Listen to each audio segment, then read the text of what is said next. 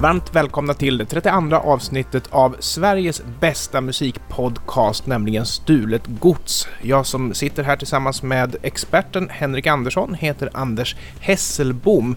Och ni som tycker... Hej Henrik förresten! Ja, hej! Ja, det är trevligt att bli omkallad som expert.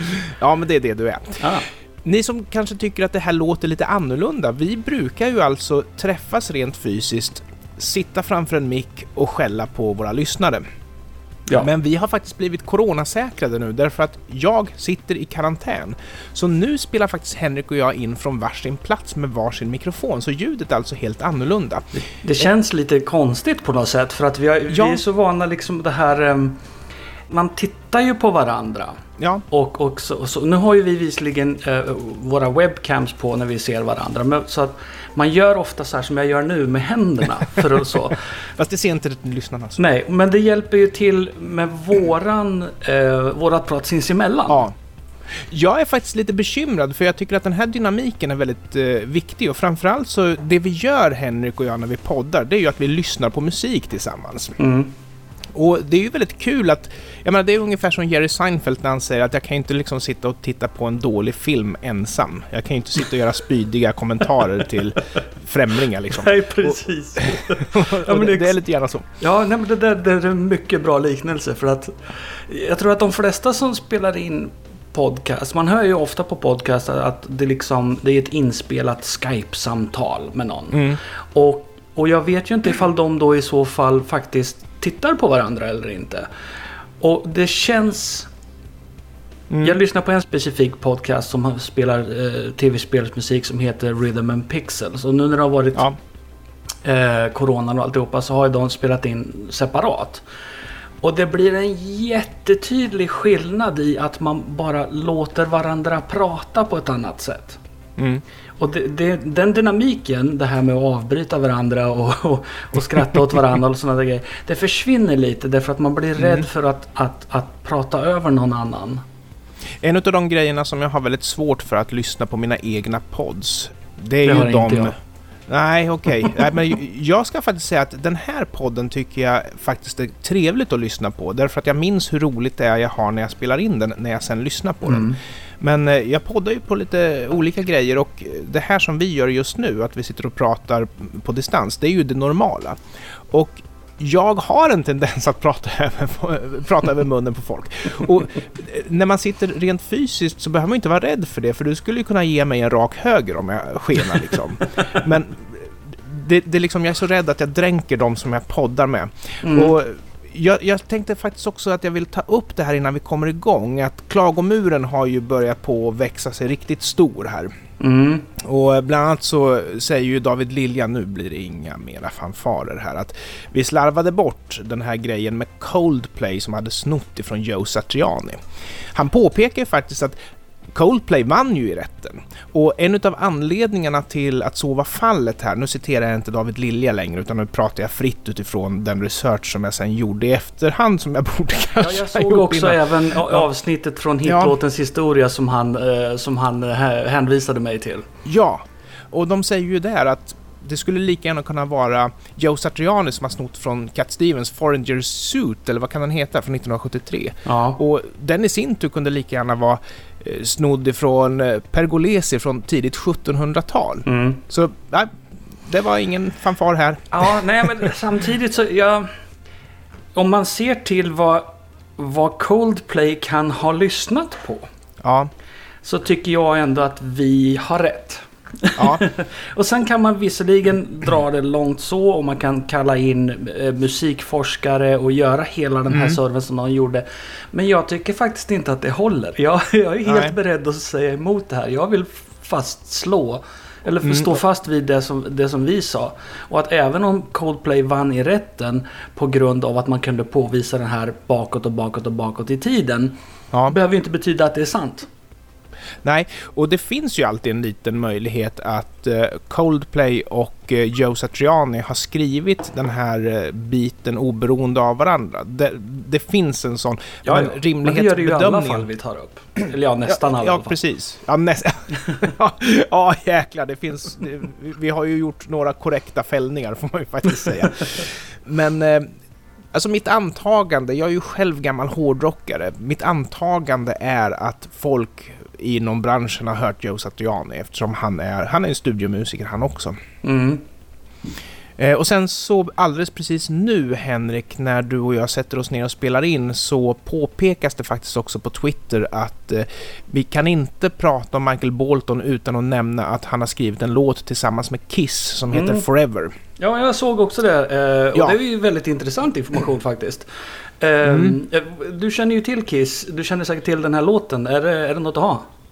Ja, eh, låten kommer ifrån eh, albumet Hot in the Shade som är kanske en av rockhistoriens absolut sämsta album. Det är dåligt låtskrivande och det är dåligt sound. Vi har faktiskt pratat om Hot in the Shade tidigare och det var avsnitt 23 när vi pratade om Bonnie Tyler. För det var nämligen så Mm. här att öppningsspåret på Hot in the Shade är Hide Your Heart som är Kiss coverversion av Bonnie Tylers Hide Your Heart som är skriven av Paul Stanley från Kiss. Så det, var liksom, och det var det här fenomenet då att man skriver en låt till en annan artist och sen när den artisten får en hit, ja då gör man cover på sin Ja, egen precis. låt. Liksom. Men det här albumet då, Hot in the Shade, som du då säger inte är något vidare. Är det, är Mm. det tack vare eller trots Michael Bolton?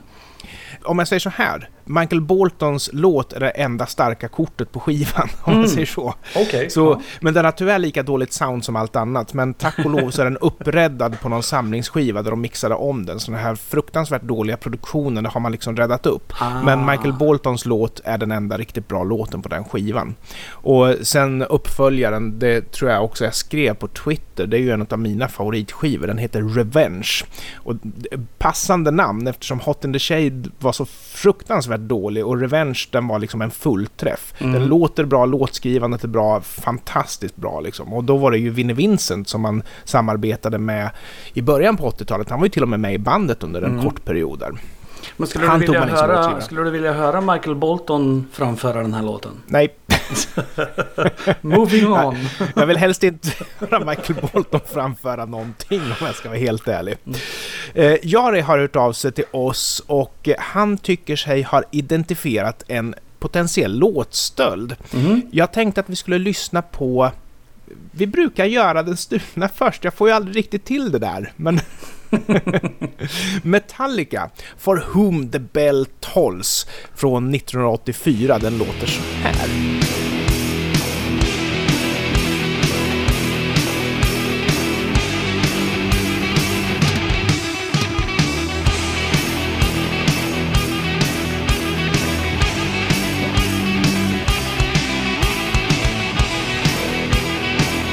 Det, alltså det låter Black Sabbath bara. Rent generellt.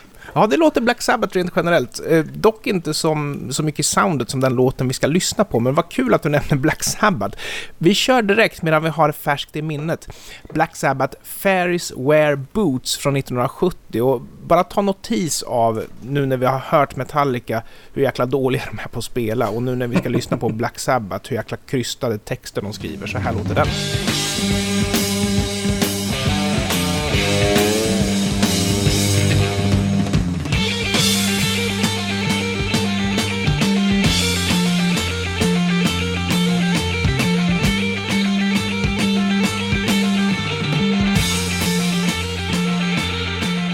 Jag tycker de gör samma sak. Vad tycker du Henrik?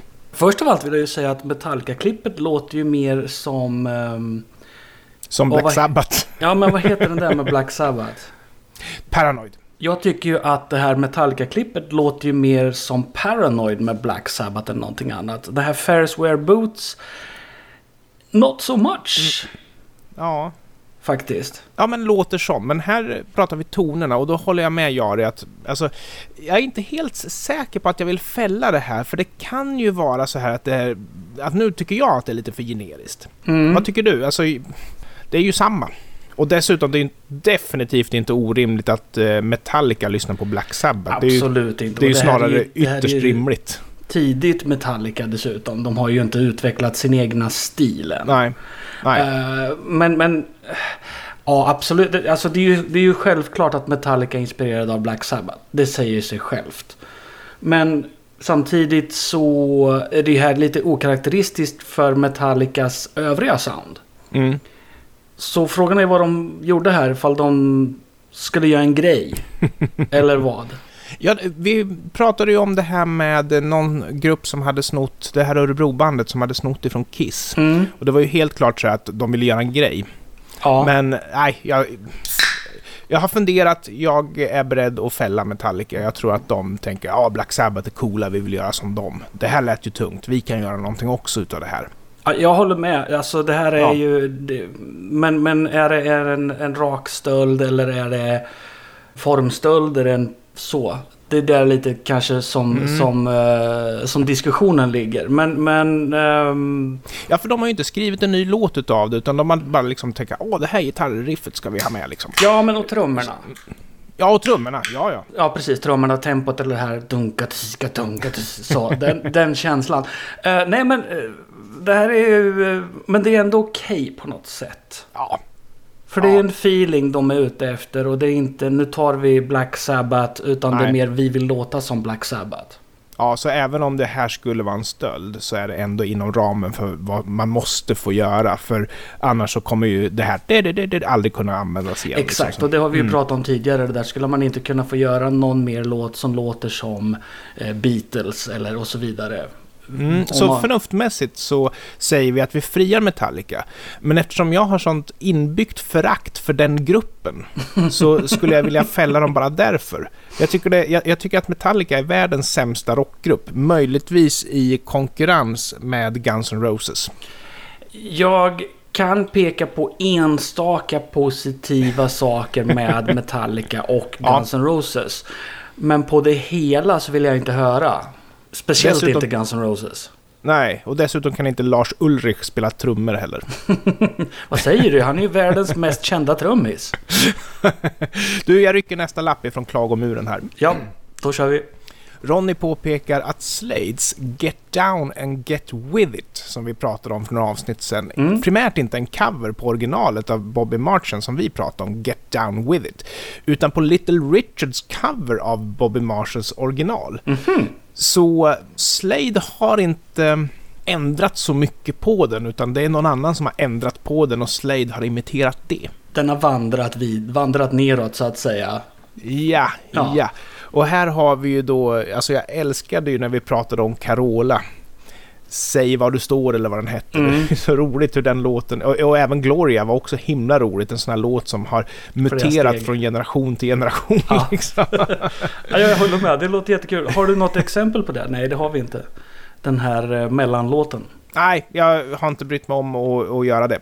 Jag tänker bara att om rätt ska vara rätt så måste vi framföra Ronnys klagan. Mm. Ja, nej men Det det, det, det, exakt, rätt ska vara rätt och det, jag tycker det är kul information. Det, sånt här är det som... Det är det här som när man gräver Mm. och så hittar man de här små grejerna så säger man aha! Och så känner man sig liksom smartare. det är därför folk lyssnar på vår podd överhuvudtaget. För de Ja känner men de sig lär sig så oerhört efteråt. mycket. Ja. Ja, ja visst, ja, visst. Vi skulle lyfter kanske gå på folk. Utbildningsradion och inte P3. Ja. Det skulle vi definitivt göra. Men grejen är att vi håller alldeles för hög standard för att platsa i public service. Det är tyvärr så. Eh, jag menar, det minns vi ju inte minst den här killen som spelade SID-musik i P3. Ja, som ja vi precis. pratade om. Syntax error. Ja, som inte visste vem Rob Hubbard var till exempel. Det tycker jag är så fantastiskt. Ja, men han hade bara, han hade bara ambitionen och viljan att vara med i radio och spela musik han gillade. Det var inte nödvändigtvis så att han visste någonting om det, men jag antar att han, jag vet inte hur många avsnitt han gjorde, typ runt 80, av, han över 100 Ja. avsnitt. Men det blir som med, ofta med sådana här eh, tv-spel, datorspelsmusik, eh, ja, poddar och radioprogram överhuvudtaget. Det är att var du än börjar så skevar du över till Nintendo. Mm. Mm. Mm. Eh, och det vart ju samma sak med honom. Ja, och dessutom så vill jag faktiskt också be om ursäkt för jag ska vara ödmjuk. Den dagen som jag aldrig har fel och den dagen jag vet allt, då kan jag håna ungdomarna för att de inte vet vem Rob Hubbard är. Ja, jo. Det- är Lite ödmjuk får inte. man väl vara, men, men Ja, det inte, måste inte man för mycket. Men vi nämnde ju faktiskt David Brent lite som hastigast i förra avsnittet och eh, med anledning av det så tänkte jag faktiskt spela Harold Melvin, If You Don't Know Me By Now från 1972. Den låter så här. All the things that we've been through. You should understand me. like I understand you. Now, baby, I know the difference between right and wrong. I ain't gonna do nothing to upset our happy home. Ja, Harold Melvin, han får nog en royalty-check med jämna mellanrum. Ja, han har väl gjort en hel del avtryck i branschen skulle jag väl säga. Det är ju en jättestor låt. Alla känner ju till den här låten. Men det är ju egentligen inget vidare... Alltså det är ju ingenting med den egentligen. Nej, förutom att han liksom eh, berättar för brudarna hur sexig han är liksom. Mm. Ja, men själva musiken är ju derivativ, Mm. simpel och funktionell. Uppenbarligen. Anledningen till att jag tog upp David Brent, det var ju för att jag tycker att Mikael Rickfors cover på When a Man Loves a Woman, som jag tror det var förra avsnittet vi pratade om den, den hade lite David Brent-tendenser av sig. Och då tänkte jag, varför kan vi inte bara göra ett avsnitt där vi har parodicovers för? Och, Vi kanske eh, ska förklara vem David Brent ja. är. Jag tänkte precis det, så varsågod Henrik. Äh, eh, Jag tror att du gör det bättre än mig för att sist när jag försökte förklara vad Mystery Science Theater 3000 handlade om, då gick det sådär. David Brent är en karaktär som spelas av Ricky Gervais i tv-serien The Office, den riktiga engelska Office, den som bara kommit två säsonger och ett par bonusavsnitt var det. Mm. Och eh, den är inspelad under premissen att det är en dokumentär, att David Brent faktiskt finns på riktigt och att han är en dålig chef och man får följa han som i en reality-serie på jobbet. Det är ju naturligtvis inte en riktig reality-serie, men det var liksom så det såldes ut, att oj vilken tokig reality-serie det här är. Och jag skulle säga en fullträff. Och eh, det här är när David Brent har fått sparken. så eh, fick han ju ett litet avgångsvederlag och då satsade han ju de pengarna på lite studiotid och släppte en singel för då kunde han ju liksom kanske boosta sin musikkarriär. Nu gick inte det här jättebra men hans singel blev då If You Don't Know Me By Now och det här var år 2003. Den låter så här. All the things that we've been through. You should understand me like I understand you. Now, girl, I know the difference between right and wrong. I ain't gonna do nothing På varje mening break up our happy home. Ja, men han menar det han sjunger. Det här är ju kalas. Vet man liksom inte vad det här är och inte ser honom sjunga det och bara hör den här låten, ja då är den ju fullständigt rimlig egentligen. Ja, ja. Jag har ju lite problem med att titta på The Office eh, därför att jag har ju haft en sån här chef. Och första gången jag såg av, första avsnittet så var det liksom att jag var ju nära på tvungen att stänga av hela tiden bara för att jag, jag såg ju bara den här chefen framför mig och det var bara nej men fy fan för såna här människor, jag orkar inte. Jag har också haft en sån där chef, så jag vet precis vad du pratar om. Och även om man inte haft det så är ju den här serien, alltså man, man vill lite gärna krypa ur skinnet när man ser Ja. den. Men det, är- det är lite poängen. Mm, mm. Och, och som sagt var, Ricky Gervais han är ju, alltså förutom att han är en oerhört skärpt människa så är han ju fantastiskt rolig. Ja. Det är ju bara så. Och det, det, jag tror inte någon, jag vet att många svär på den amerikanska remaken av The Office. Och det må så vara, men jag kan inte tänka mig någon annan människa spelar den här rollen. För att han kan se så fullständigt frånkopplad ut. Alltså han har Ja. ingen aning om vad som händer. På, på det sättet som bara den här karaktären verkligen behöver för att det ska funka. Jag har ju sett några avsnitt av den amerikanska remaken på The Office för jag var nyfiken. Mm. Det är ju skitbra, men eh, den spelar ju inte samma liga. Men för att vara en tv-serie så är det ju en bra tv-serie liksom. Ja, och efter vad jag förstår så är det väl inte så mycket en rak kopia. Utan de Nej. har lite sina egna karaktärer och, och då fine. Mm. Lite mer en traditionell sitcom. Ja, och mera royalties till Ricky Gervais antar jag. Ja, och sen har jag funderat på vad den ultimata, liksom ironiska covern skulle kunna vara. Och av någon märklig anledning... Nej, jag... Vi lyssnar på några takter, för det, det här är ju ett mästerverk. Från 1975, Bohemian Rhapsody med Queen. Den låter så här.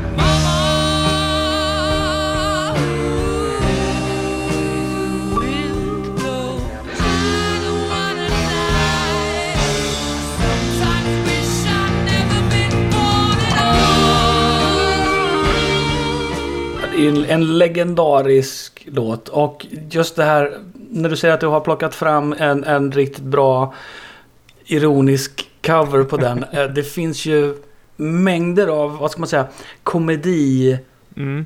versioner, alltså där man har skrivit om texterna och där man håller på Ja. och, eh, och även raka covers där man håller på och fjantar sig och så vidare. Och jag, jag håller ju själv Weird Al Yankovics version Ja. jättehögt. Den fantastisk. polka, va? Ja, Bohemian Mm. Polka heter den ju. Och det är ju inte egentligen en skämtcover. Det är ju en skämtlåt som är en cover. För han behandlar ju låten med respekt. Det är Ja, bara det att han absolut. gör ju sin grej utav det. En, en polka-cover. Jag tycker att det konstigaste är ju att det finns seriösa covers på den här låten. Alltså Mm. artister som känner att jag vill göra en cover på en känd låt. Jag tror jag väljer Bohemian Rhapsody med Queen. För den kan jag. ja, göra. och, och det finns ju två saker att säga. Precis som du var inne på lite grann och in, insinuerade att det här är ju inte en låt som lider brist av radiospelningar. Det är ju snarare så att tyvärr en låt som förtjänar bättre respekt än att spela söndra melodiradion så som den har gjort. Mm. För förr alltså, så fick man ju nä- nästan lite gåshud när man hörde den här låten. Idag när den går på radio så tänker man jaha, spelar de den här igen liksom? Den, Ja. Radion har dödat musiken här Lite grann, ja. Tanken på att ja, men jag skulle kunna göra det här bättre eller lika bra. Då lider man lite av storhetsvansinne för Freddie Mercury är inte vem som helst. Nej, Eller Eh. var inte. vi pratar ju om eh, när vi körde Forever Young. Ja, just det. Och då pratade vi om att Laura Branigan hade spelat in Forever Young och jag Mm. tänkte att det kan ha varit då att hon ville ha den inspelad för att hon skulle ha det i sin repertoar för att kunna köra den Mm. live. Och Ja. det kan ju vara tanken hos flera andra artister. De tänker att okej, vi, vi lirar in Bohemian Rhapsody så har vi en anledning att köra den på våra konsertturné för att vi tycker om att köra den här låten. Ja, Det kanske inte nödvändigtvis är så att vi tänker att vi är bättre, vi bara gillar att köra den här låten. Och Okej, fine. Och sen så har du också den här aspekten som kan driva folk till att vilja göra covers på just den här låten är ja men det är våran hommage. Queen har betytt så mycket för oss så vi vill liksom visa det. Mm. Och sättet att visa det är att försöka... Och jag kommer ihåg, det var ju till och med en, en eh, hiphop-låt från 90-talet. Ja, The Braids hette de som gjorde den. Ja, så var det ja. Och det var då liksom så här... Okej, de är lite ursäktade för att de gör en annan sak av, eh, av musiken. Men jag kommer ju aldrig kunna lyssna på den utan att liksom tänka åh vad mycket bättre det vore om det var Queen som spelade nu. Liksom. Ja, precis. Det, det är ju också det att de flesta som, eller jag som, som jag ser i alla fall, de som gör covers på den här. De har inte arbetat lika mycket med eh, den, sångharmonierna som Nej. originalet. Utan de, de förenklar den ofta ganska mycket. Och Mm. förstås, det kan ju inte hålla på och lägga ner massa tid i studion heller. Det går väl inte. Eh, sen så har vi pratat om skämtband och vi har nämnt i den här podden The Ruttles som gör nästan Beatles-musik. Mm. Och sen så hoppas jag, annars får vi väl ta upp det någon gång, att vi har pratat om Spinal Tap som förmodligen är alltså det, det mest galna skämtbandet som någonsin har gjorts. Och där har vi Spinal Tap, det är alltså en långfilm som är en typ som The Office, en fejkad dokumentär om ett rockband.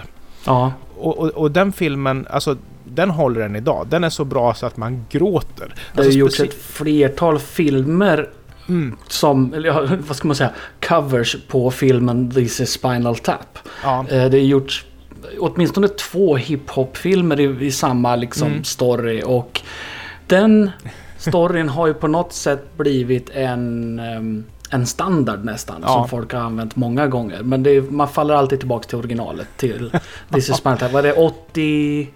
Tidigt. Det kan Säg kanske 82. till och med...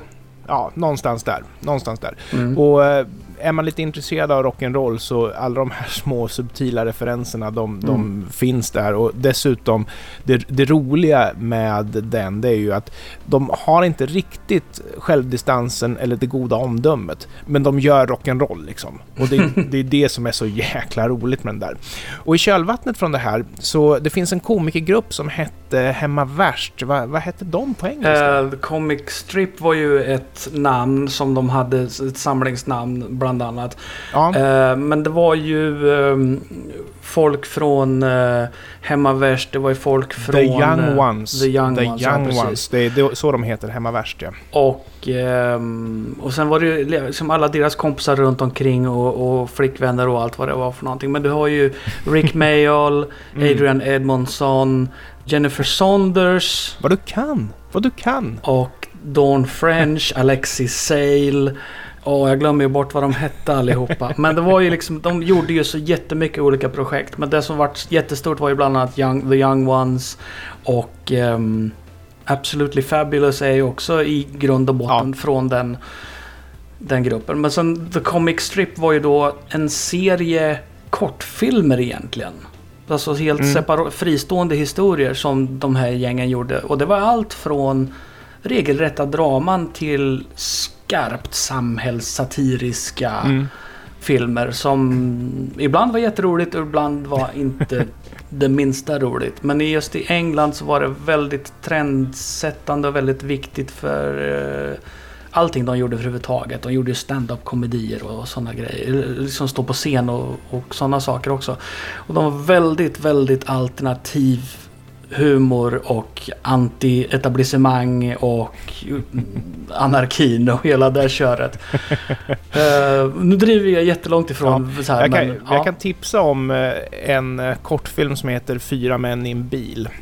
Som är, det är också sån här, den, den, är, den är så rolig så att man, man, man, det blir nästan lite genant efter ett tag. Men du vet, allt som kan gå fel går fel. De stannar på en mack och köper en Best of the 80s CD som börjar hacka i bilen och frustrationen liksom byggs upp här. Ja, den är helt galen. Eh, en av de här produkterna, det var ju just eh, The Young Ones. Som eh, de skådespelarna som bildade en rockgrupp som hette Bad News. Och eh, själva greppet då att göra en parodikover på Bohemian Rhapsody var väl i sig inte jätteroligt. Det roliga var ju det här runt omkring när när de eh, sa ja men vi tyckte inte Queen gjorde den här låten rättvisa och vi, vi har liksom någonting annat vi kan, vi Mm. kan erbjuda. Och videon är ju en stor behållning. Eh, anledningen till att jag tyckte det här var roligt att ta upp det är ju för att eh, Brian May från Queen spelar gitarr på riktigt. Det är ju naturligtvis eh, The Young Ones som posar som gruppen men eh, det är alltså Brian May från Queen som spelar gitarr. Ja, kul. 1987, Bohemian Rhapsody, den låter så här.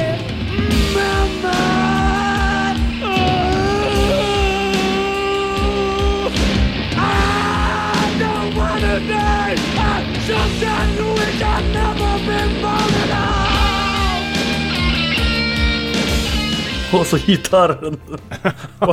Den faller helt snett på en gång.